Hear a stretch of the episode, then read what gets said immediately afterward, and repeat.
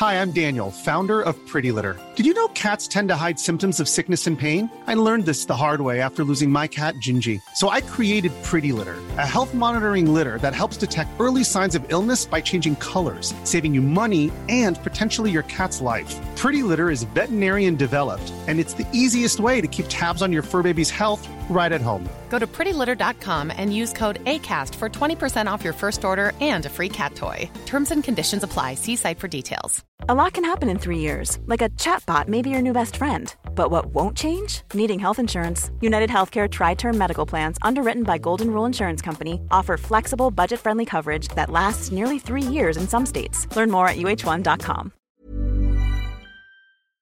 Du lyssnar på en podd från Media House by RF.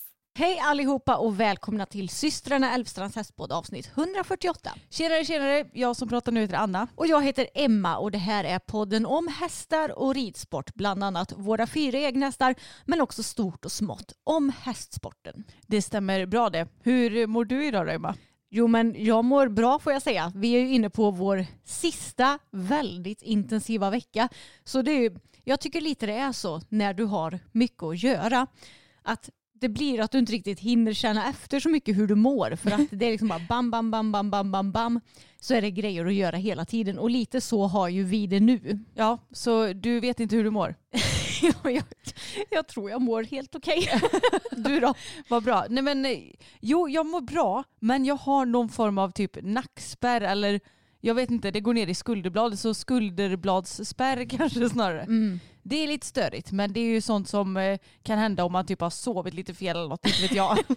Exakt nu när man är runt 30. Ja men alltså på riktigt, när man var liten så hade man ju typ aldrig ont. Och Nej. nu så räcker det att man ja, men, tränar på något nytt sätt eller eh, sover på ett konstigt sätt eller reser sig upp för fort eller trampar snett eller något så bara skadar man sig Ja. rejält. Ja.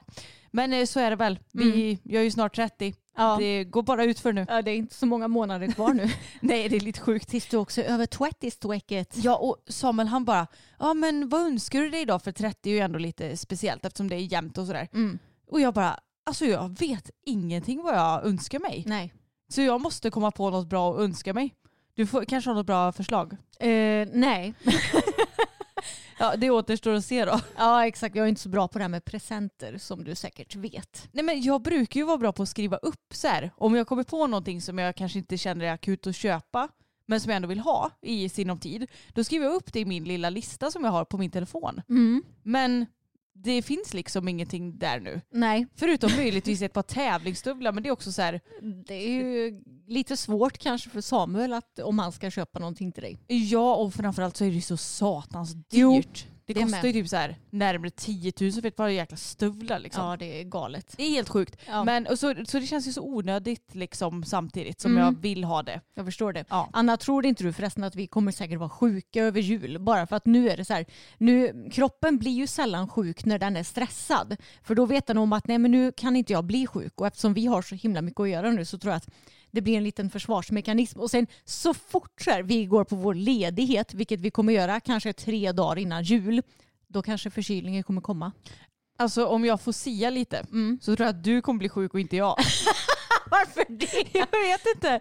Eh, Gud nu kanske jag jinxar så kanske jag blir hur Ja. jävla sjuk som helst. Och jag frisk som en Ja, nötkärna. exakt. Men jag vet inte, jag har bara den känslan. Jag har ju inte varit sjuk på aslänge. Peppar peppar tar i trägolvet med min fot här nu. Mm. Men ja, å andra sidan kanske det är dags nu. Jag hade en riktig jävla dunderförkylning i somras vill jag minnas med Ja. högre feber än vad jag har haft på evigheter. Ja och du bara, Åh, jag tror jag ska åka med er till eh, Trovabadet idag där, där vi brukar bada på somrarna. Jag bara, det gör du inte.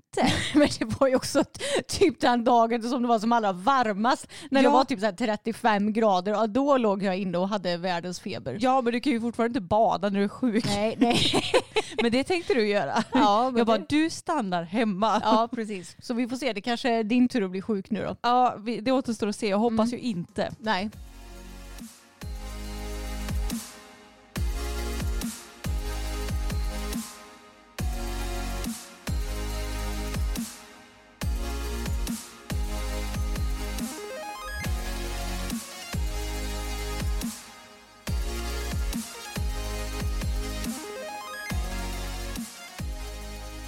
Det här avsnittet är i samarbete med appen Hej Hej och det är en app för oss hästälskare. Och Hej Hej stavas H-A-Y-H-A-Y och appen går att ladda ner på App Store och Play Store. Precis, och Hej Hej det är ett varmt community där vi hästälskare kan diskutera häst med varandra men också med Hej Hejs experter som hänger i appen och svarar på våra frågor som kan handla om allt mellan himmel och jord när det kommer till hästvärlden. Och Hej Hej är en väldigt lätt app att använda även för en oteknisk person som mig vilket jag är väldigt glad över. Och jag tänkte att jag kan ju ta och berätta lite om de olika kategorierna som finns i communityt. Dels så finns det en kategori som heter vad som helst och där kan vi diskutera allt mellan hästhimmel och betesgräs. Alltså alla olika diskussionsämnen, alla olika frågor inom just hästvärlden. Det finns en kategori som heter Visa din häst där du visar bilder på din eller andras hästar. Även en som heter Dagens ridpass där du berättar om ditt senaste ridpass. Och nu får jag lite flashback till bloggingtiden. För vi bloggade ju förut Anna och då var ju vi väldigt flitiga med att uppdatera om dagens ridpass i vår blogg. Ja och det var ju också ett väldigt populärt inlägg att läsa och Ja. man får ju lite inspiration. Vad har andra hittat på med sina hästar? Och de kanske har dykt på något problem som de fått lösning på och det är ju jättebra. Ja, eller någon rolig övning som de har ridit. Så jag tycker att det här är en väldigt rolig kategori. Och i Hej Hej-rummet så delar Hej Hej med sig av nyheter och vi kan också lämna feedback till Hej Hej och det är allmänt mysigt där inne. Och en av mina favoritkategorier det är veckans utmaning där Hej Hej kommer med nya utmaningar varje vecka som vi användare ska lägga upp bilder eller filmer på. Och jag vet att förra veckans utmaning var att Hej Hej ville att vi skulle lägga ut en bild på en kreativ bomövning och det skulle användas minst tre bommar och vi behövde inte filma när vi red övningen utan det räckte med bild på hur den var uppbyggd. Och det är ju verkligen toppen för alla som vill få lite extra inspiration och för oss som vill dela med oss av våra härliga idéer. Ja ibland så kan man ju känna sig så sprudlande och bara åh jag har en jättebra bomövning till Ja. exempel. Då är det jättebra att kunna dela med sig av den till andra. Och förra veckans ämne var väldigt relaterat till veckans utmaning. Det var nämligen markarbete. Där vi kunde diskutera allt möjligt som hade med markarbete att göra. Ställa frågor om markarbete, diskutera markarbete. Jag vet att många har ju olika åsikter om vad markarbete är. Du och jag Anna, vi är ju väldigt eniga om att det måste vara bommar med i markarbete. Ja annars så heter det ju dressyr. Precis, men eh, vissa tycker inte det. Nej jag vet. Så nu har vi sagt vår åsikt om det här ämnet också. Exakt. Och förutom själva communityt i Hej Hej så finns det en hel frågedel där du kan ställa frågor till både användarna eller till experterna som vi har pratat om tidigare. Och här finns det massor av olika frågor. Du kan söka efter frågor eller kategorier.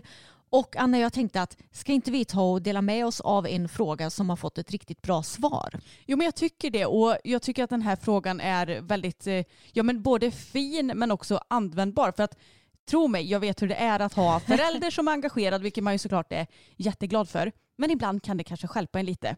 Så här kommer en fråga om mammor.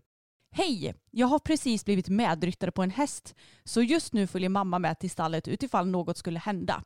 Men mamma tror sig kunna väldigt mycket om hästar trots att hon inte gör det. Däremot så vill hon alltid rätta mig hela tiden så som att säga korta tygen, längs stiglädren något hål, gör så här istället. Och jag har tröttnat extremt mycket på det då jag vill vara självständig och jag tycker inte om att få sådana tips, speciellt när hon inte kan något själv. Jag älskar henne mest av allt och vill liksom inte göra henne ledsen genom att säga till henne. Hur ska jag lösa detta?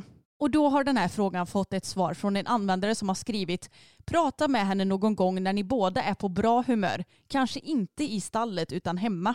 Säg som du skriver här att du älskar henne och tycker om att hon kan vara med dig i stallet men just när du rider så vill du försöka lista ut ditt eget sätt så du önskar inga tips av henne då.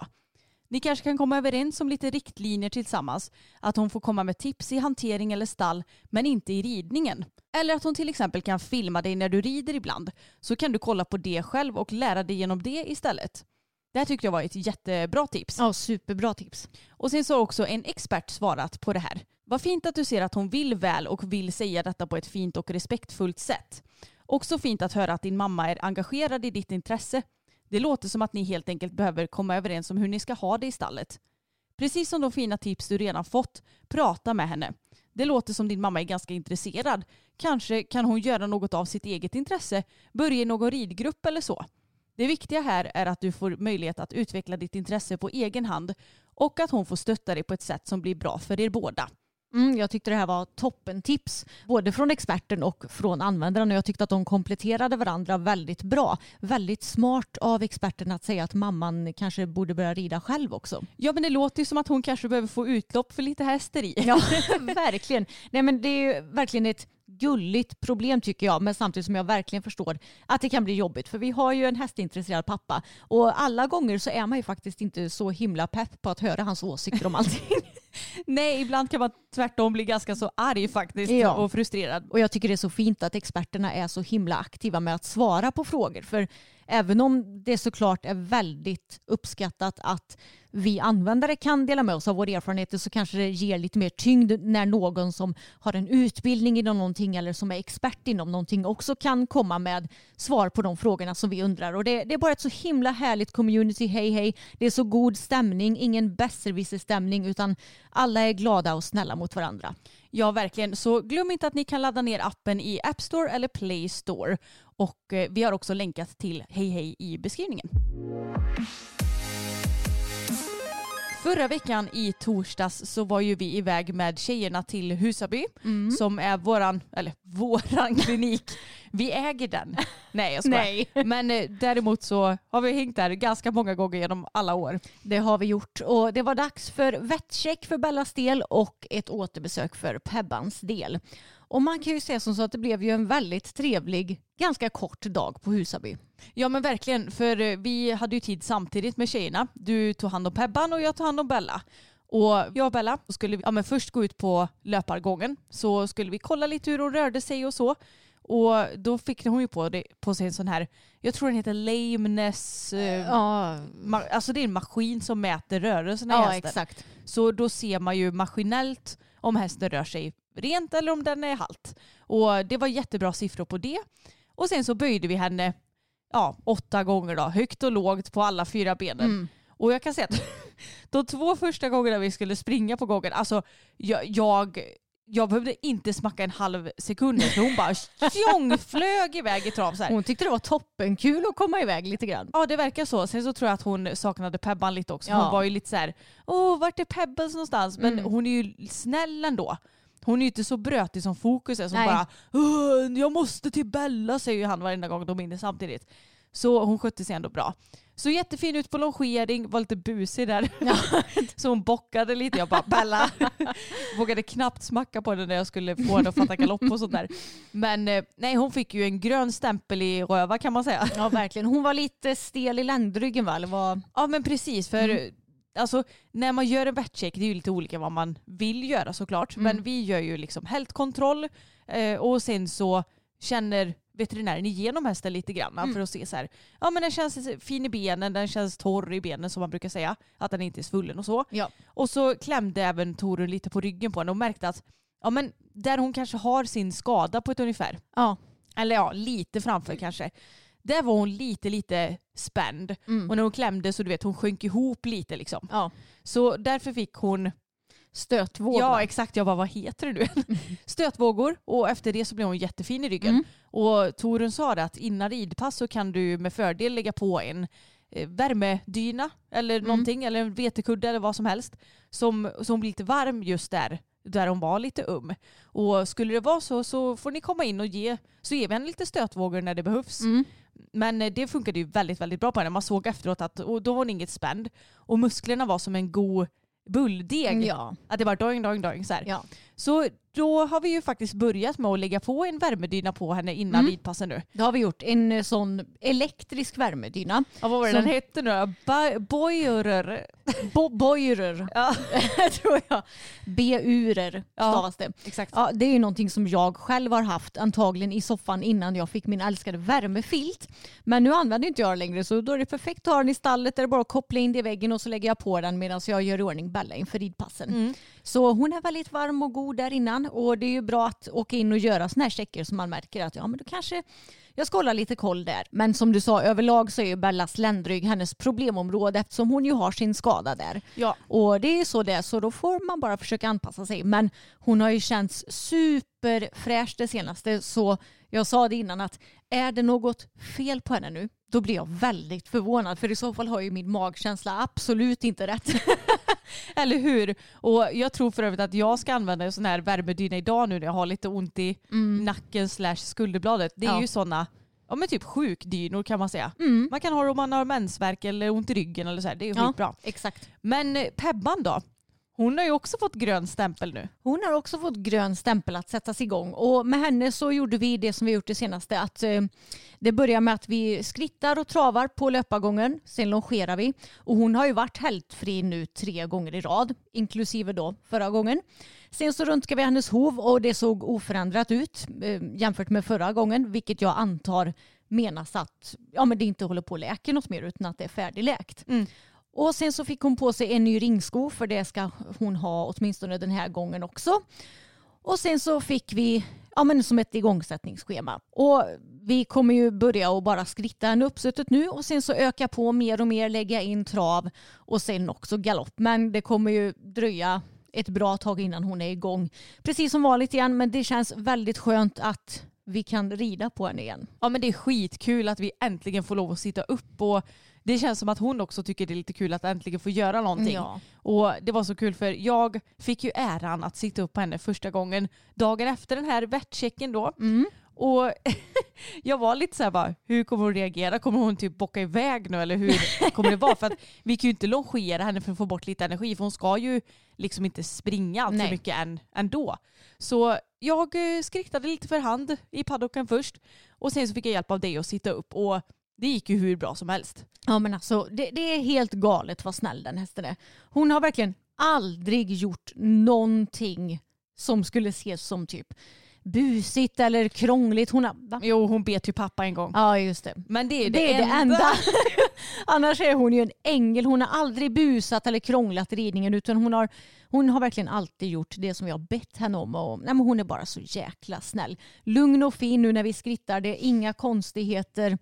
Och ja, hon är bara en fantastisk häst. Ja, om jag får tro mitt så tror jag att hon kommer bli piggare och piggare.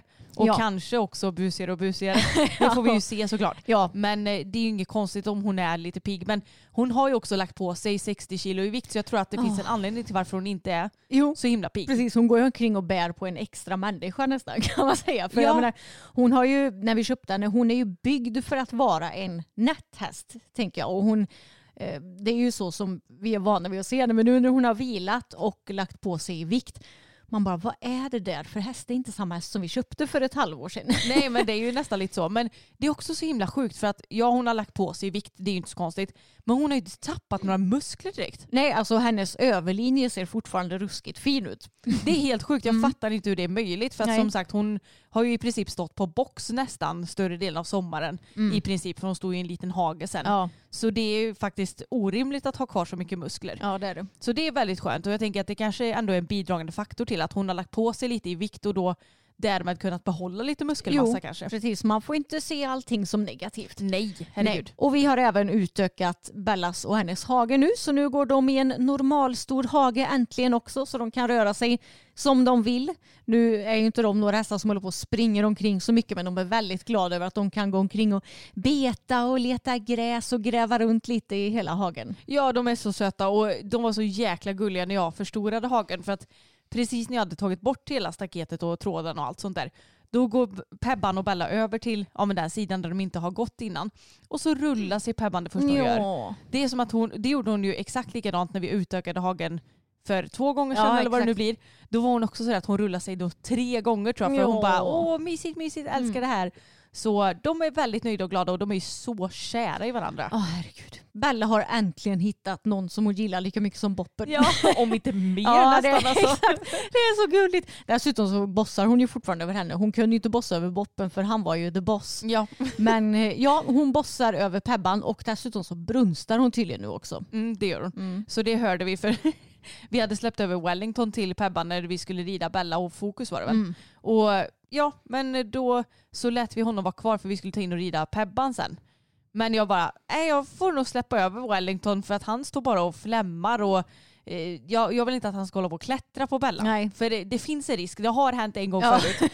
Så jag tänkte att nej, nu får vi stoppa de här fasonerna här. Ja. Och Bella stod ju så här och eh, ja, skvätte och så jättenöjd ut. Jag bara, Hon- vill ha okej. ett november, en novemberbebis.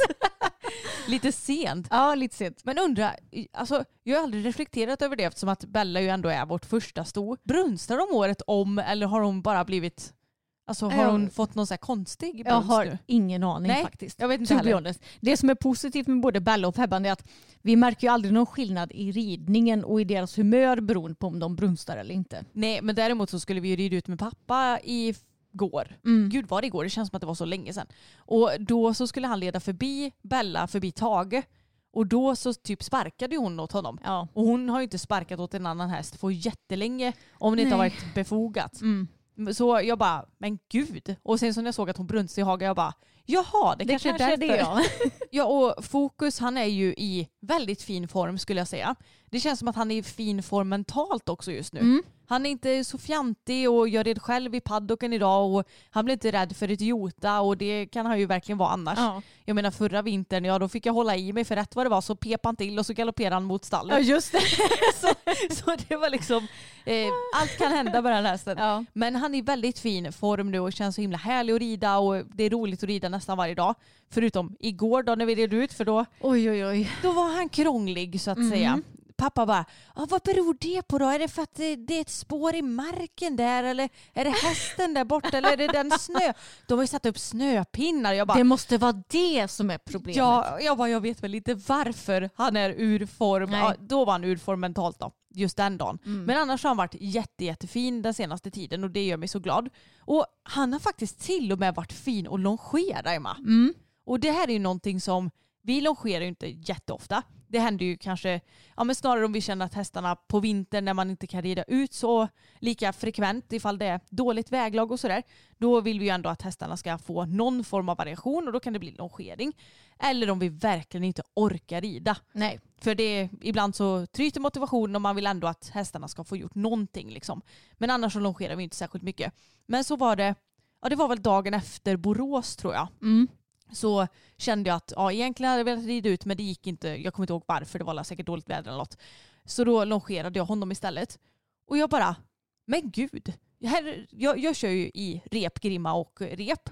Eh, och inga inspänningar eller någonting och det har jag ju aldrig gjort. Liksom. Men innan så har det varit lite sådär att men han har sprungit och tittat lite utåt och kört upp huvudet och eh, ja, men hållit på liksom noll koncentration på mig och ja, men, varit lite seg när jag fattar galopp och kanske gärna fattar fel galopp eller korsgalopp. Och, alltså han har varit fruktansvärd att logera ärligt talat. Inte för att han är dum på något vis eller håller på och flänger eller så men det har bara gett absolut ingenting att logera honom.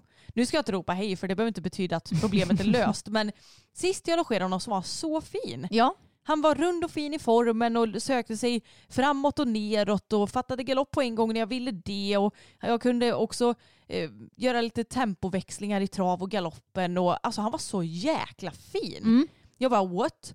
Och det här känns som att det känns som en sån självklarhet för folk att longera sina hästar. Men jag vill också trycka på att det är inte alla hästar som trivs med det. Nej. Och inte alla hästar som det faktiskt ger någonting. Nej, och, nej, precis så. Alla hästar behöver inte heller longeras kanske. Nej. Det är klart att det är bra att göra det ibland så att du ser hur din häst rör sig från marken. Ja och det är ju kanske bra att kunna göra det för som sagt på en vettcheck så vill de ju ofta Ja, se häst på exakt. lina.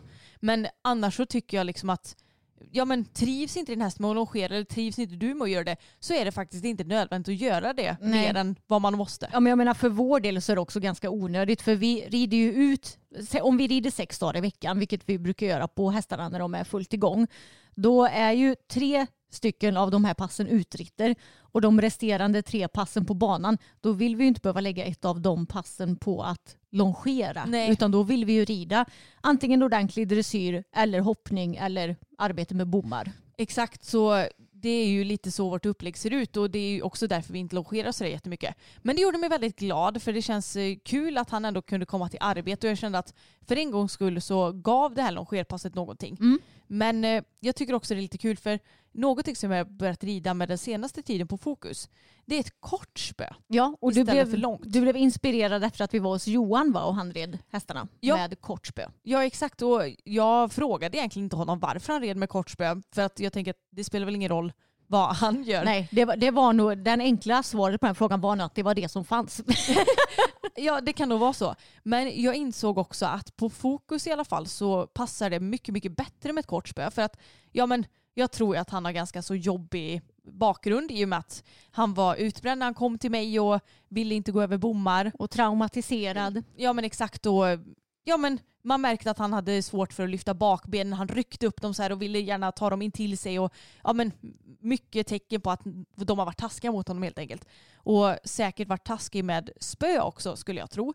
Och därför så har jag ju ridit med dressyrspö men om jag har använt det på rumpan, alltså bara petat pyttelite, så har han snarare reagerat med att så här, uh, rycka till lite, eller du vet så här, rycka till lite med benet. Mm. Alltså sparka lite halvt. Ja men det, du får kanske inte ut det, den hjälpen av spöet som du vill ha utan eh, ja, men jag till exempel när jag använder dressyrspö på Bella det funkar väldigt bra för henne för då om jag känner att hon är lite bakom skänken eller att jag vill ha lite mer bakbensengagemang så kan jag bara peta till henne lite grann med spöet bakom skänken och då funkar det väldigt bra för då lyssnar hon antingen mer fram om jag vill det eller mer vad ska man säga, Uppåt. Ja. om jag vill det. Så eh, det är det som den hjälpen man vill åt. Men jag håller med om att på fokus det är inte alltid som det funkar så bra på honom. Nej, och då har jag ju ridit med dressyrspö men jag har snarare använt det framför sadeln då. För att där får jag en helt annan reaktion. Då blir han inte alls samma introverta häst utan Nej. man kan lägga på det pyttelite och så får man lite mer av det man vill ha. Men då blir jag så här, varför rider jag med ett dressyrspö om jag ändå inte använder det som man ska tänkte jag Mm. säga. Så därför har jag faktiskt börjat att rida med ett hoppspö istället. Ja. Och tycker att det känns bra och det känns också som att man inte riktigt använder spöet lika mycket när man bara har ett kort heller. Nej. Jag vet inte, det känns liksom mer naturligt att bara ha det i handen typ. Ja men jag, alltså, med hoppspö det kanske blir så att det blir lite mer omständigt att använda det. Mm. Ett dressyrspö då kanske du blir lite lat och lägger till det när det behövs. Men jag tänker att vi kan ha lite spösnack Anna. För Mm. jag försöker ju också vänja mig av lite vid att rida på spö. Eller med spö, inte på ett spö för guds skull. eh, och Bella, jag tycker ju hela tiden att hon blir bättre och bättre i sin ridbarhet. Hon är mer framme för skänken, hon blir känsligare och känsligare. Det säger ju Johan också. Mm. Att hon är väldigt mycket känsligare nu mot när jag började träna för honom för snart ett och ett halvt år sedan. Och jag försöker ju att trappa ner nu på mitt spöanvändande. Och jag rider ju aldrig med sporrar hemma. Den enda gången som jag rider med sporrar det är eventuellt på dressyrtävling. Mm. Annars rider jag aldrig med sporrar. Och det är för att jag vill ha henne så bra framme för skänken som möjligt utan att det ska behövas en sporre. Jag vill ha henne känslig. Och jag tycker att det är så svårt att rida med sporrar för det blir lätt att du sitter där och gräver med sporren eh, trots att du kanske inte är medveten om det. För jag menar det är väldigt svårt att vara 100% medveten om hur du använder din skänkel och då blir det nog lätt att du använder sporren i onödan och sen när du kommer in på dressyrbanan, ja då lyssnar inte hästen extra på den där sporren som du kanske vill ha. Nej men alltså jag tror inte att jag kan rida med sporre på ett bra och medvetet sätt. Alltså Mm. att man så här, har en vanlig stabil skänkel och att man använder bara själva hälen liksom. Och sen så, ja men nu skulle jag behöva lite mer, att man då använder sporren. Det tror jag nästan ingen gör. Nej, jag tror inte det Väldigt heller. få i alla fall. Extremt få skulle jag säga. Mm. Det ser du också när du tittar på ja, men, högsta nivån i dressyr. Det är ganska så rejäl sporranvändning där också skulle jag säga. Ja och ganska rejäla sporrar också Ja, framförallt. Jag, jag menar, när vi använt sporrar så har det varit sån här ponny, 15 millimeters kulsporrar. ja, ponnysporrar egentligen. Mm. Så vi, vi har ju haft eh, minsta möjliga sporren egentligen Ja. nästan. Så ja, det är egentligen så jag tänker också. Mm. Att försöka använda spöet mindre och mindre. Ja. För att man vill ju inte ha det på banan, eller man får inte ha det Nej. på dressyrbanan. Och därför så är det så onödigt att bli helt beroende av det. Ja, precis. Så det jag försöker göra nu när jag rider hemma det är att ja, men tidigare så har jag kanske börjat att rida med spöet och sen lagt av med det efter halva passet. Men nu har jag gjort som så att jag har lagt spöet på staketet. Jag börjar rida och så känner jag att nej men jag behöver inte spöet. Då behöver jag inte ta upp det. Men om jag kommer till en del i ridpasset jag känner att ja, men nu är hon inte riktigt framme för skänken eller nu skulle jag behöva lite mer energi uppåt. Då kan jag ta det för en kort stund och sen lägga bort det igen. Mm. Så att som sagt jag använder det aldrig mer än vad jag behöver. Nej. Och jag tycker att det funkar bra. Jag tycker hon blir mer och mer framme för skänken och på sikt så tror jag att ja, men jag vill ju ändå tävla mer dressyr med henne. Men för att kunna göra det på ett bra sätt så behöver jag få till den här ja, men att hon är framme för skänken utan spö också för att det ska bli bättre på banan. Mm. Så jag tror att det ändå är ett vinnande koncept att vara så, både så spö och spårfri som möjligt för mig. Ja men hur går det med, eh, No Stirrup December då, eller vad var det du körde på? Ja exakt, no stirrup december är det ju nu eftersom det är december. Mm. Jo men det går bra tycker jag. Jag brukar rida en liten stund varje pass utan stigbyglar för att kunna sitta ner i traven och träna på det. Och det går, eh, det går bra tycker jag. Ja, för nu på söndag så ska ju vi tävla, årets sista tävling. Det är klubbmästerskap i dressyr. Du rider lätt B1 och jag rider medelsvår C1 så det är två olika klubbmästerskap. Eller så. Olika kategorier. Och eh, hur känns det då? Känns det som att du är redo för att sitta ner i ett helt program? Ja men ett lätt B1-program ska jag nog klara av att sitta Ja. ner. Men det, det känns som att mm, sitsen har blivit mer och mer stabil. Sen vet jag om att ja, men jag brukar ju tappa en del känsla inne på banan. Men å andra sidan nu har hennes ridbarhet blivit så mycket bättre under hösten så det är inte säkert att vi kommer tappa lika mycket som vi har gjort tidigare. Men det ska bli roligt i alla fall och jag är taggad. Hon känns verkligen sjukt fin i dressyren nu. Ja men när tävlade du sist? Det var ett halvår sedan jag tävlade dressyr Ja, det är det. och då gick det åt helvete. Så jag har inte varit, det är därför som jag inte har varit så sugen på att tävla dressyr under hösten. Men så har hon ju varit så jävla fin i dressyren Mm. i höst. Så nu ska det ändå bli roligt även om vi inte har knappt tävlat någon dressyr alls det senaste. Nej för jag tävlade henne senare än dig va? Eh, ja, det Ja. tror jag. I juni eller juli, jag kommer inte Ja, ihåg när jag tävlade. Juni var det Ja, juni. Mm. Så jag har ju ändå tävlat henne senare än vad du har. Ja, då gick det betydligt bättre än för mig. Ja, då var hon Mm. duktig. Ja. Förutom att hon, vi fick lite misskommunikation i första halten så hon gjorde en liten stegring. Jag bara, vad hände här? Mm. Shit happens. Mm.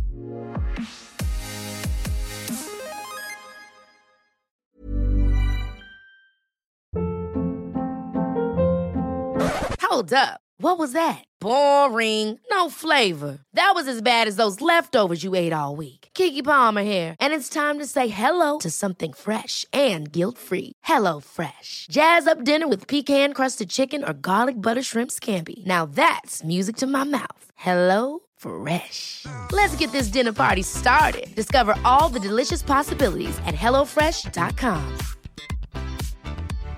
One size fits all seemed like a good idea for clothes Nice dress. Uh, it's a it's a t-shirt. until you tried it on. Same goes for your healthcare. That's why United Healthcare offers a variety of flexible, budget friendly coverage for medical, vision, dental, and more. So, whether you're between jobs, coming off a parent's plan, or even missed open enrollment, you can find the plan that fits you best. Find out more about United Healthcare coverage at uh1.com. That's uh1.com.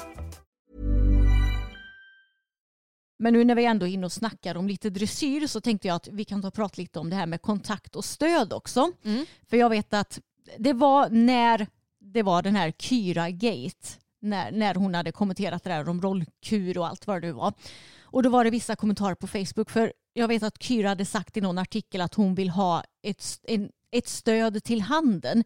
Och då var det vissa som kommenterade varför ska du ha ett stöd till handen bla bla bla. Ja, då, då menar alltså... Ja, men de, de tolkade väl in att hon ville ha ett hårt stöd. Aha, okej. Vilket hon ju inte hade sagt. Nej. Och då tänkte jag att det här är ju ändå ett, en intressant diskussion.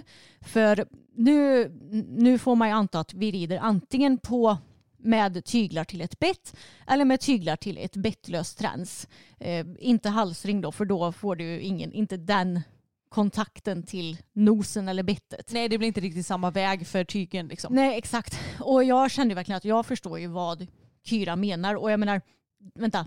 Takt, kontakt. Kontakt är väl den andra delen i utbildningsskalan. Gud, jag minns inte. Jo, jag, tror, jag, jag tror det är Ja. takt, kontakt, lösgjordhet de tre Ja, första. men det stämmer nog.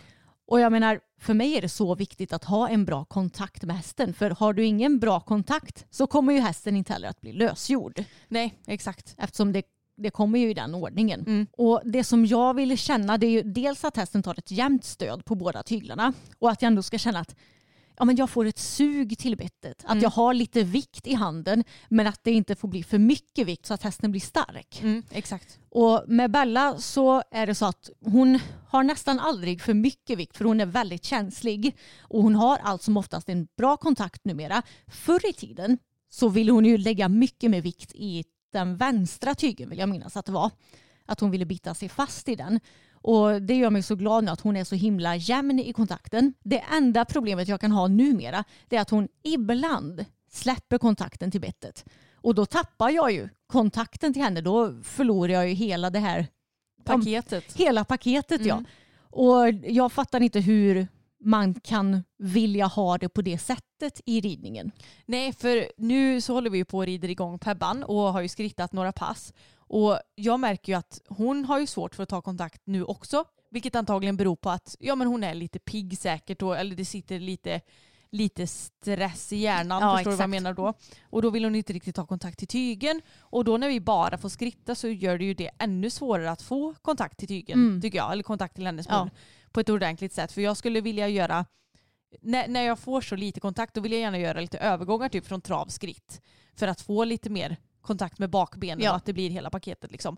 Men jag fattar inte heller hur man inte kan vilja ha något stöd överhuvudtaget. Nej. För att jag tänker att det är ju därifrån allting kommer. Och jag tänker också att om jag hade haft noll stöd och så Mm. ska jag göra en ökad trav eller ökad galopp, Mm. då kan det ju inte hända så mycket. Nej. Utan man behöver ju ändå stödet i handen för att få med sig bakbenen för att det ska komma tillbaka i fram. Mm.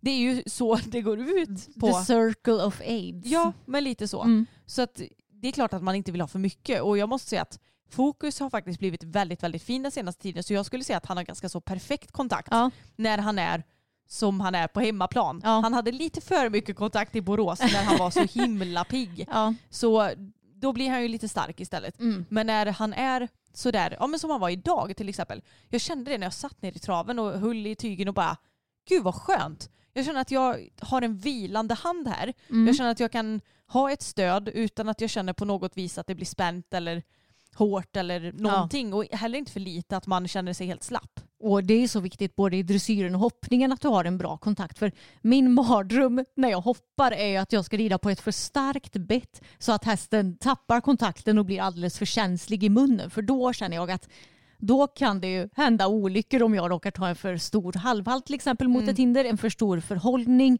Så därför föredrar jag i hoppningen att hästen hellre blir lite för stark än lite för känslig. Håller du med? Ja, jag håller med. Och jag kommer ihåg när jag hoppade boppen, det var nog Ja, det var när vi var i Vänersborg och skulle, jag skulle debutera i 10. Mm. Då vet jag att i båda klasserna så fick jag en känsla där jag kände att han blev helt tom. Mm. Och det handlar också om att han tappade, han var ju kanske inte sån så han tappade kontakten till bettet så mycket.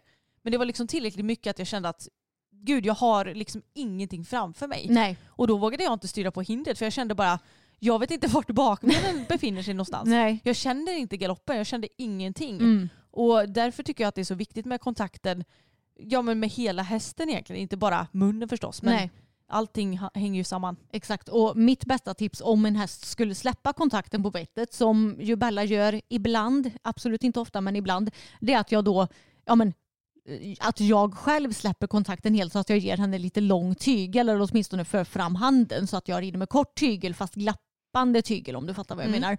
Och sen att jag tar kontakten på nytt så som jag vill ha. Och det här kan du applicera även om en häst blir för stark till exempel. Mm. Att du släpper kontakten och sen tar det stödet du vill ha. Och blir hästen för stark igen, ja men då släpper du kontakten och så tar du det stödet du vill ha. Anna, vet du vad den senaste veckans snackis är? Jag, jag vet ju att det involverar Geir Gulliksen. Exakt. Men jag har faktiskt dålig koll på vad han har gjort ärligt talat. Ja, och jag känner att det är sånt här som vi inte har så bra koll på. För jag tror att såna här nyheter, det sprids nog först via TikTok. Ja, jag tror det också. det TikTok, går är ju viralt. verkligen, ja, TikTok är ju verkligen källan till det som sker nu. Ja, egentligen. Och vi har ju inte orkat skaffa TikTok och jag tror inte att vi kommer orka göra det heller för att jag Nej. känner att vi behöver begränsa våra sociala medier lite grann. eh, ja. Så eh, då blir man lite sen på bollen. Men eh, please do tell. Ja, men jag kan ju då referera till en tidningen Ridsportartikel och det här är från Ridsport Plus som heter Geir Gulliksen i blåsväder efter spöanvändning. Och det handlar om att han tävlade en 1,50-klass på Norwegian Horse Festival med hästen Equine, Amer Equine America Grandino H. Och eh, jag kan ju kanske beskriva vad som sker på den här filmen då. Jag ska ta och kika på den här nu för de har den i det inlägget och då är det, ja men han är på väg mot ett hinder som är ett räcke men det har nästan som en murdel under sig så det är ändå lite spektakulärt skulle jag vilja säga. Nu kommer jag att tänka på när Fokus kastade av mig en murdel på ridskolan. Ja, det var inte det som hände på den här filmen, Nej. det kan jag ju säga. Nej, men då stannar hästen några meter innan hindret för att ja, men jag tycker att det ser ut som att den blir osäker på något vis. Mm. Osäker eller förvånad ser det nästan ut. Det ser ut som att den nästan stegrar den lite grann sådär eller? Eller så att den blir så här. Uh. Ja, knappt alltså. Nej. Den, den lättar ju lite med framdelen från marken men det är mer för att den har bromsat in så mycket. Ja men det var det jag menade, att den Mm. bara verkligen tvärnitar och bara uh, stegrar lite grann. Precis. Mm. Och eh, då använder Geir sin vänsterhand där han också har spöet och eh, ja, men slår till den mot halsen närmare hästens huvud. Och jag tycker att det ser ut som på filmen att han använder både handen och spöet. Eh, och det som Vänta, en fråga bara. Mm. Svänger hästen liksom sin hals åt vänster så att han försöker stoppa den genom att Ja. slå mot den? Precis, hästen Mm. svänger sin hals mot vänster och då använder Geir handen och spöet på vänster sida för att få hästen att vända till höger. Okej. Jag tror att eh, jag har förklarat det här så att eh, man ska kunna se. Men grejen är också att han gör det ganska så sent kan jag tycka. Så att korrigeringen kommer några sekunder senare än när hästen hade stannat och vänt. Mm. Och det här det ser ju inte supertrevligt ut såklart. Och han har ju fått en del kritik för det. Publiken ska tydligen ha buat också. Eller en del i publiken ska ha buat under den här händelsen. Mm. Och eh, det hade ju då filmats och lagts ut på sociala medier och jag skulle tro att det är på TikTok som det har lagts ut för det är oftast där som ja, men sådana här nyheter sprids helt enkelt. Och nu har Geir uttalat sig om den här händelsen och han säger först och främst vill jag säga att jag och hela min familj är emot användning av spö som bestraffning. Vi vill inte använda spöet men en hingst måste korrigeras annars kan den bli farlig. Jag tror också att mina hästar håller länge eftersom vi är snälla mot dem och jag finner mig inte i att bli framställd som en djurplågare. Är då vad han säger om den här situationen. Okej. Ja, alltså jag kan absolut köpa att hingstar kan bli farliga om de inte hanteras eh, på rätt sätt. Man behöver ju sätta lite gränser när det kommer till hingstar. Men min fråga är vad lär sig hingsten av det här som är farligt? Men det jag inte fattar är vad har den här situationen att göra med att den är en hingst? Nej exakt för att det ser ju bara ut som att den blir osäker på hindret eller situationen eller vad det nu är och vänder för att den inte vågar helt enkelt. Ja exakt. Och jag menar det är ju ingenting för att den på något vis är dum eller eh, liksom sätter sig över Geir eller någonting Nej. sånt utan den ser bara osäker ut. Precis, och nu är jag absolut inte någon bättre ryttare än Geir Gulliksen. Men han rider ju med en ganska så speciell stil och ganska så framåtlutad, vilket han också gjorde i den här anridningen. Mm. Så om jag får killgissa lite så tror jag kanske inte att situationen hade sett likadan ut om typ Peder Fredriksson eller Henrik von Eckermann hade ridit hästen. Nej kanske inte. Nej. Det Så- vet vi ju inte. Men Nej, exakt. Men om, som sagt om jag får eh, killgissa lite grann. Och för Geirs eget, rykt, eget ryktes skull så tror jag att det hade gynnat honom att kanske uttrycka sig på ett annat sätt när han förklarar sig. För ja, men, eh, det som han säger det är att han ångrar ju inte det han har gjort. Nej. Måste man ju tolka det som utan att han tyckte att det var en, rätt Nödvändigt. ja, en nödvändig eh, ja, aktion. Jag tror att det hade varit bättre för hans del om han hade kanske bett om ursäkt och bett om ursäkt till eh, både publiken och sin häst och sagt att ja, jag, eh, jag tappade humöret där för en stund och det gick ut över hästen och det är absolut inte okej och jag ska se till att försöka jobba på det i framtiden. Till exempel, då hade det ju känts lite mer ödmjukt och vettigt för ja, jag vet inte, jag köper inte riktigt den här förklaringen i alla fall. Nej och jag köper inte riktigt att situationen behöver korrigeras överhuvudtaget egentligen. Nej, För att det hade varit en grej om hästen var liksom på väg mot en annan häst eller något sånt där. ja, Men på internationella tävlingar så är de ju ensamma inne på banan så det hade ju inte ens kunnat Nej. hända. Men säg att det hade varit på framhoppningen eller någonting och den höll Ja, på ja. att här stegra sig mot en häst. precis. Självklart behöver man agera Mm. men det här, Ja. det, det är liksom en situation där du inte behöver agera på det viset. Nej. Det är ju bättre att bara lugnt och fint lägga en volt och komma igen. Ja men exakt. I vissa situationer måste man ju också rannsaka sig själv om en häst stannar på ett hinder. Mm. Var det verkligen inte jag som red dåligt? Ja. det, det brukar jag tänka i alla fall. Det är ju extremt sällan som jag, eller jag kan inte ens komma på när jag senast skyllde på en häst som stannade på ett hinder. Det var väl kanske när jag var yngre och Inte ung- visste bättre. ung och dum så Ja. att säga.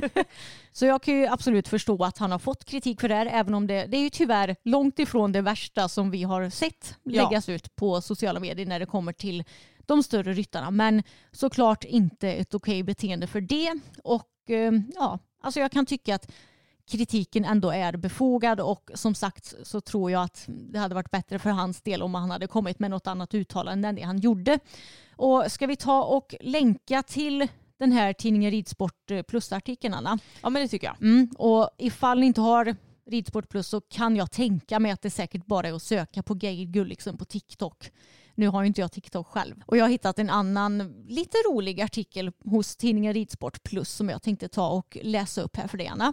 Och den heter Inga pengar tillbaka för trafikrädd häst. En kvinna har anmält en hästföretagare till Allmänna reklamationsnämnden efter att hästen hon köpt reagerade starkare på trafik än vad hon menar att säljaren informerat om.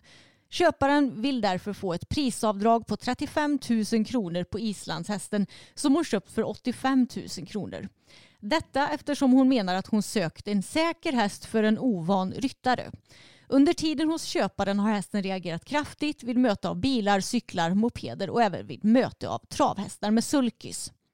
Säljaren menar i sin tur att den noggrant informerat både i annonsen på hästen och under provridningen att hästen tidigare påvisat rädsla vid möte av fordon och att priset var satt efter den problematiken. Säljaren har också kunnat visa annonsen där det står att hästen har en historik av att bli stressad vid fordonsmöten.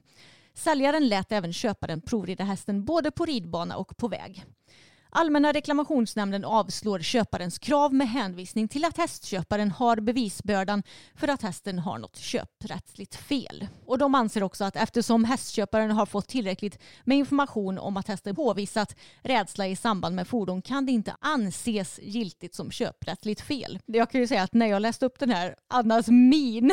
Ja, jag, jag kände bara, okej okay, så hon vill att hästen ska kosta 50 000 istället för 85 000 för att Mm. den inte ja, är helt safe att rida ut på. För att Ja. den är lite, alltså vad fasen, Bella har tyckt det varit skitläskigt med lastbilar. Fokus är väl trafiksäker inom det mesta men har ju blivit rädd för travhästar. Mm. Ska jag reklamera honom då? Alltså va? Ja, men det, ah, det, det här är ju ett så tydligt exempel på att kunden har inte alltid rätt. Mm. Och, nej, jag tycker bara det är så löjligt. Det är levande djur som vi köper och nu hade ju uppenbarligen säljaren ändå informerat om att hästen inte var helt trafiksäker. Men jag menar även om hästen är trafiksäker med en ryttare så behöver inte det betyda att den blir det på sitt nästa hem. För hästar är ju individer och litar ju olika mycket på olika människor. Så här får man ju också rannsaka sig själv. Vad kan jag bli bättre på istället för att försöka leta fel på hästen hela tiden? Ja och jag tänker väl att det är säkert något som kommer att ge sig lite med tiden. Ja. Bara man vet hur man ska hantera det när det kommer en bil och att man kanske kan gå undan lite så att hästen får lite utrymme från den och, och sådär. Då brukar det inte vara några bekymmer. Ja. Nej, men alltså, ibland så kan jag bli helt tokig på att så många människor verkar se på hästarna som om de är en, en sak och inte ett djur. Är Ja, det, det och så, bara så reklama, reklamera hitan och ditan. ja, är det så konstigt? Mm. Det har ju hänt något roligt nu i helgen Emma. Ja. Och det är att Henrik von Eckermann och världens bästa häst, King Edward, Ja. de vann topp 10. Och Ja. vad är topp 10 då Emma? ja, men det är tävlingen där de tio bästa ryttarna i världen tävlar mot varandra. Mm, exakt. Mm, och det är en väldigt prestigefylld tävling som arrangeras varje år, tror jag. Ja, jag tror det. Och jag har hittat en artikel här på Ridsport, alltså Svenska Ridsportförbundet tror jag det är till och med. Eh, Så jag tänkte att jag kan bara läsa upp lite Mm. delar från den. Henrik uttalar sig så här. Så underbart. Det har varit en dröm så länge. När den här finalen gick i Stockholm 2013 så såg jag bucklan och tänkte att en dag, säger han just efter drömmarnas seger han tog knappt fyra månader efter de dubbla VM-gulden i Härning. När de tio bästa på hoppningens världsranking gjorde upp i den så prestigefyllda finalen var det världsmästaren och världsettan Henrik von Eckermann som vann tillsammans med King Edward. 93 hundradelar före tvåan, franske Simon Delestre och med landslagskollegan Peder Fredriksson och Catch Me Not på en tredje plats med ett fel. Så det var ju alltså dubbelt svenskt på prispallen också Mm. och det är historiskt. Ja, det, det är helt galet hur bra våra svenska hoppryttare är just nu och framförallt hur galet bra Henrik är. Det känns som att det enda man läser om att han vinner eller kommer tvåa. Det är, det är typ det. Ja, men jag har en undran. Kan King Edward riva? Alltså det knappt. känns ju inte som att han kan det. Jag har sett den hästen rida riva en gång och det var i en omhoppning när han, ja men det blev lite tokigt helt enkelt. Ja. Sen har han ju såklart rivit sen dess men det är ju extremt sällan och Alltså den hästen den är så fantastisk. Den gör allt med sån lätthet. Den är så snabb samtidigt som den är så försiktig. Den är, den är inte jättestor men den har samtidigt stor galopp utan att bli klumpig. Nej men alltså det är... ah, Det är en perfekt häst Ja, känns det är det helt som. galet. Och Henrik, det här är också ett bra exempel på att framgång föder framgång. För nu har han ju verkligen kommit in i en god cirkel. Och då känns det som att då går det ju tusan bra med alla hästar. Och han får fram fler och fler bra hästar. Mm. Och det är bara så himla roligt. Ja men jag tycker det är skitkul för det känns som att han, jag vet inte jag har säkert nämnt det här tidigare i podden, men det kändes som att när han hade Mary Lou till exempel så hade ja, men han fick kämpa så mycket och den hästen gillade inte vatten och Mm. det blev typ alltid lite krångel på varje mästerskap och ändå så var han ju en av de bästa Mm. i svenska landslaget så då var ju ändå han som kom med eh, på de svenska mästerskapen Ja. och så. Svenska mästerskapen. på mästerskapen i svenska laget ska Ja. säga. Eh, Så det är så himla roligt att se att ja, men han har medvind nu och har Ja. ju haft det ett bra tag. ja, verkligen. Och jag är också så imponerad av Peder och att han lyckas så bra med så olika typer av hästar. Alltså, ja, men som catch Catch, me not. Not. Det, nu kanske jag är lite taskig men det kan vara en av de fulare hästarna jag har sett faktiskt. Han är inte vacker. Nej, han går ganska ofta i korsgalopp Ja. och det känns inte som att han det ser ju inte ut som en råstark välriden häst Nej. om man säger så när man ser den. Nej, precis, alltså, det ser ju inte lika lätt ut att rida honom som ja, men säg Allan till exempel. Mm. Som är en helt annan typ av häst. Och att Peder ändå, han är så fruktansvärt bra på att rida olika typer av hästar. Ja för det ser ju fortfarande lika bra ut oavsett vad han sitter på. Ja men alltså han tar upp dem i de klasserna. Det är, det är också så himla himla imponerande. Och speciellt med tanke på att det är topp 10-finalen. Tänk vilka andra hästar som är med och tävlar där. Ja men det är ju de tio bästa som Ja. är där. Vilka andra hästar och ryttare. Mm. När jag var liten så fanns det ju diverse olika bokklubbar, eller när Mm. vi var små båda två. Men jag prenumererade ju på Pollux. Visst hade du typ något som heter Fantasy eller något sånt Ja. där? Ja. Så det var ju en bokklubb. Man fick hem ett paket varje månad vill jag minnas med ja, men lite olika pysselsaker och några böcker och lite sådär. Jag tyckte att det var jättemysigt men jag ska ju vara ärlig och säga att jag läste inte så mycket av de här böckerna utan jag kollade ju mest i allt annat. De här pysselsakerna och det var något godis med och det var Ja såklart. Men något som är kul som vi faktiskt fick en påminnelse av från en eh, lyssnare, Mm. eller en följare till oss, var att det var ju en gång som det var en utlottning av en häst I Pollux. i Pollux. Som var en barnbokklubb. Ja, det riktade sig ju säkert till barn ja, men upp till och med kanske 13, 13, 14, ja. ja. men något sånt där. Det var ju liksom inte gamla Nej. barn utan det var ju ändå yngre barn. Ja. Och då minns jag så tydligt, för det var väl i så här, det kom ju en liten tidning, en typ klubbtidning Mm. med i varje box och då stod det så här utlottning eller vinn en, vinn en ponny står det Ja. väl. Och den hette Jeanne d'Arc Mm. vill jag minnas. Var- Jeanne d'Arc. Jeanne d'Arc, Mm. förlåt jag kan inte franska. och det, jag vill minnas att det var en fux, Fux med, med bläs. stor bläs. Ja, så söt var hon. Var hon inte New Forest? Jo jag tror det. Mm. En eh, D-ponny vill jag minnas. Och Mm. den kunde man alltså vinna. Ja. Hur sjukt är inte det ändå? ja, men det är helt galet. Var du med och tävlade om det här då? Nej, jag vet att jag ville göra det men Ja. jag fick inte det för mamma. Nej. tror jag. Ja, hon eh, var väl visserligen klok lilla mamsen. Ja, jag menar det har varit helt orimligt för mig och då hade jag ju kanske knappt ridit. Ja, men jag tror jag började att prenumerera på det här innan jag började rida till och med. Liksom. Antagligen. Så att eh, det hade ju kunnat bli en smärre katastrof. Men jag undrar ju lite hur det går till för att jag vet att i Skandinavium så hade de ju Mm. också så här utlottning av hästar och det var någon typ transport och grejer. Alltså man Mm. kunde ju köpa lotter Ja. när man var där och så kunde man vinna en häst till exempel. Mm. Men då vet jag att de gick ut med och sa att de var väldigt noggranna med att hitta ja, men rätt hem och se till så att eh, personen hade liksom pengar att försörja hästen Jo. och att det fanns stallplats. Alltså, de gjorde ju ändå väldigt mycket research kring det hela. Jo. Men jag undrar hur det gick till här. Ja. Undrar om det var samma sak, att de verkligen gjorde research med vem som vann den här ponnyn. Mm. Och det är ju lite konstigt när det är liksom barn som ja, vinner. alltså när det riktar sig till barn. Ja. Det blir faktiskt väldigt märkligt. Och sen kan jag ju tycka det är ganska märkligt att man lottar ut häst på Göteborg Show också. Men det gör man inte längre va? Det har, det har de Nej, slutat det med var sedan ganska några år. länge sedan. Ja, men ja, jag minns ju också det förr i tiden. Och det, det är rätt så sjukt att lotta ut en levande individ. Ja, det är som att jag skulle låta ut dig.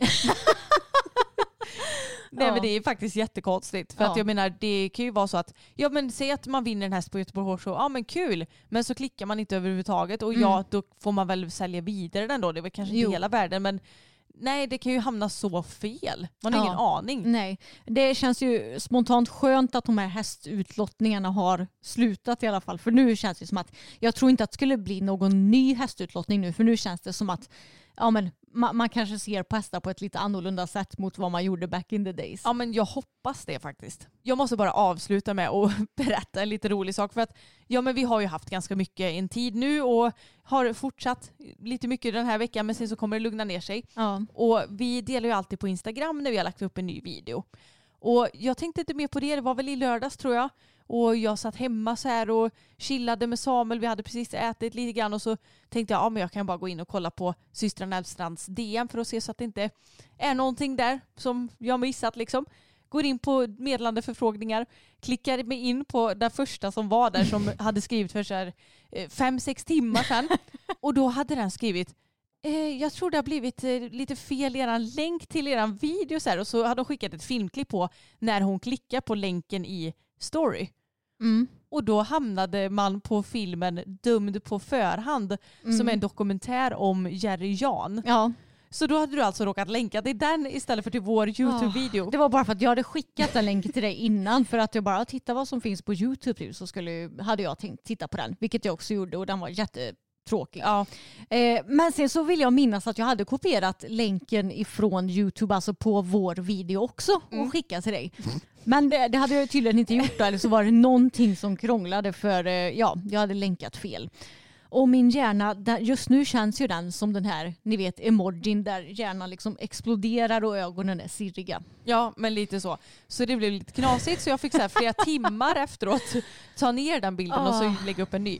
Det är ju inte Herregud. hela världen dock, Nej. men det är ändå lite kul. Ja. Det var typ bara en person som hade skrivit till oss också. Då blev jag så här, är det bara en person som klickar sig in via den länken till Ja, vår YouTube? Nej det är det ju inte men då kanske de bara, äh, jag går in och kollar på YouTube Ja. eh, direkt istället. Det får vi ju hoppas. ja. Nej, det blev lite knasigt, det kan man säga. Verkligen, vi behöver semester kan man ju lugnt säga. Ja, men snart är det dags. En vecka kvar. Whoop, whoop. En vecka intensivt arbete för oss och en sista tävling kvar. Sen ska hästarna få lite lugnare också. Ja, och vi ska chilla. Ja det ska vi göra. Men jag känner mig lite besviken över en sak nu. För nu har ju vi haft ganska så trevligt vinterväder. Det har varit så här mellan 5 till 10 minusgrader skulle jag säga. Mm. Det har nästan inte blåst någonting. Det har kommit lite snö. Så det, det är inte halt för det, har inte, det ligger ingen is under snön. Men ändå att det är lite mysigt, det är kallt men inte den här råa och blöta kylan som vi brukar ha på vintern. Och på onsdag, alltså imorgon, så kommer det att snöa ännu mer. Men nästa vecka, typ den 20, då har jag sett att det ska bli plusgrader igen. Åh, jag vet, jag såg det med. Och det är det här som jag hatar med vintern i södra Sverige. Att när det väl är vinter kan inte snön bara få ligga kvar då? För det här med att det ska smälta, frysa på, snöa. Alltså det gör ju att det blir ju för fasen helt livsfarligt känns det som häst. Ja men det blir ju typ det och det är ju också därför som ja, men vi i perioder kanske inte kan rida ut så mycket. Och då är det tråkigt för att det känns lite som att vi strider ju mot vår egna, liksom, våra egna upplägg. Men samtidigt så är det ju en kort period om man ser till det stora hela så det är ju inte hela världen rent så. Nej. Men det är bara så himla jobbigt. Ja, det suger lite. Mm. Så jag hoppas att den kanske ändrar sig så att det fortsätter vara minusgrader. Ja, annars, vi hade ju nästan tänkt att vi kanske kommer få en vit jul. Men Ja. nu, alltså jag, Det tror det var, jag tror det var typ exakt samma sak förra året. Det var snö i början av december och sen försvann den till jul. Ja men det kan säkert vara så. Det är väl Grönlandskylan som är här nu eller vad var det du sa? Och den kommer att åka tillbaka till Grönland sen då. Ja, har de varmt där nu då? Ja, de har det varmare där nu. Okej. Eller Nej. Ja just det, så heter det på vintern. Mm. Nej det känns lite tråkigt faktiskt för att eh, det hade varit kul att ha lite ordentlig vinter. Det behöver inte bli så här tre meter snö kanske men Nej, och inte 30 minus. Nej. Men 5 minus, det, är, det tycker jag ändå är helt okej faktiskt. det tycker jag med. Och när det är så här, ja, men mellan 5 och 10 minus då blir det ändå lite så här pudersnö. Så Mm. det packar sig inte så mycket i hovarna. Nej. Hästarna håller sig rena lite bättre. Ja. Ja men det finns nästan bara positiva aspekter Mm. med det tycker jag. Ja, men jag fattar nu vad, vad folk menar med att eh, ja, men det, det känns, det är så, så här, noll grader känns kallare än 15 minus. Alltså så här, noll grader i södra Sverige känns kallare än 15 minus i norr. För jag tycker ju att det har ju mycket med så här, hur mycket det blåser, vilken torrhet eller fuktighet det är i luften. Sen Är vet inte det lite myt? vi har diskuterat här förut Ja, Anna, men man får ju ändå lita på de som har bott på olika ställen. Ja, jo, det är sant. Men samtidigt så kan man ju inte vara på två olika ställen samtidigt. Nej men jag tycker ju att det är skönare ute nu än vad det var för en månad sedan när det var typ så här två, tre, fyra plusgrader ute men nästan regnade lite och blåste. ja, jo, det är sant. Mm. Blåst är ju det värsta vi har. Mm. Det värsta vi har också. men Faktiskt, ja så är det. Dramatiskt. Men Mm. ja, blåser det så blir det ju 70 000 gånger kallare. Mm. Ja, det var det. Det var det för det här poddavsnittet. Och vi ska inte avsluta det på skånska. Vi vill säga tack för att ni har lyssnat på ännu ett avsnitt. Glöm inte att prenumerera på podden om ni inte gör det. Och sen så får ni gärna spana in vår YouTube-kanal som heter systrarna Elfstrand. Mm, det får ni gärna göra och ni får också gärna följa oss på Instagram. Där heter vi också systrarna Elfstrand. Det gör vi. Ni får ha det världsbäst så hörs vi igen nästa vecka. Det gör vi. Hej då! Ever catch yourself eating the same flavorless dinner three days in a row? Dreaming of something better? Well, HelloFresh is your guilt-free dream come true, baby. It's me, Gigi Palmer. Let's wake up those taste buds with hot, juicy pecan-crusted chicken or garlic butter shrimp scampi. Mm. Hello Fresh. Stop dreaming of all the delicious possibilities and dig in at HelloFresh.com. Let's get this dinner party started. Even when we're on a budget, we still deserve nice things. Quince is a place to scoop up stunning high-end goods for 50 to 80% less than similar brands. They have buttery soft cashmere sweaters starting at $50, luxurious Italian leather bags, and so much more. Plus, Quince only works with factories that use safe, ethical, and responsible manufacturing. Get the high-end goods you'll love without the high price tag with Quince. Go to quince.com/style for free shipping and 365-day returns.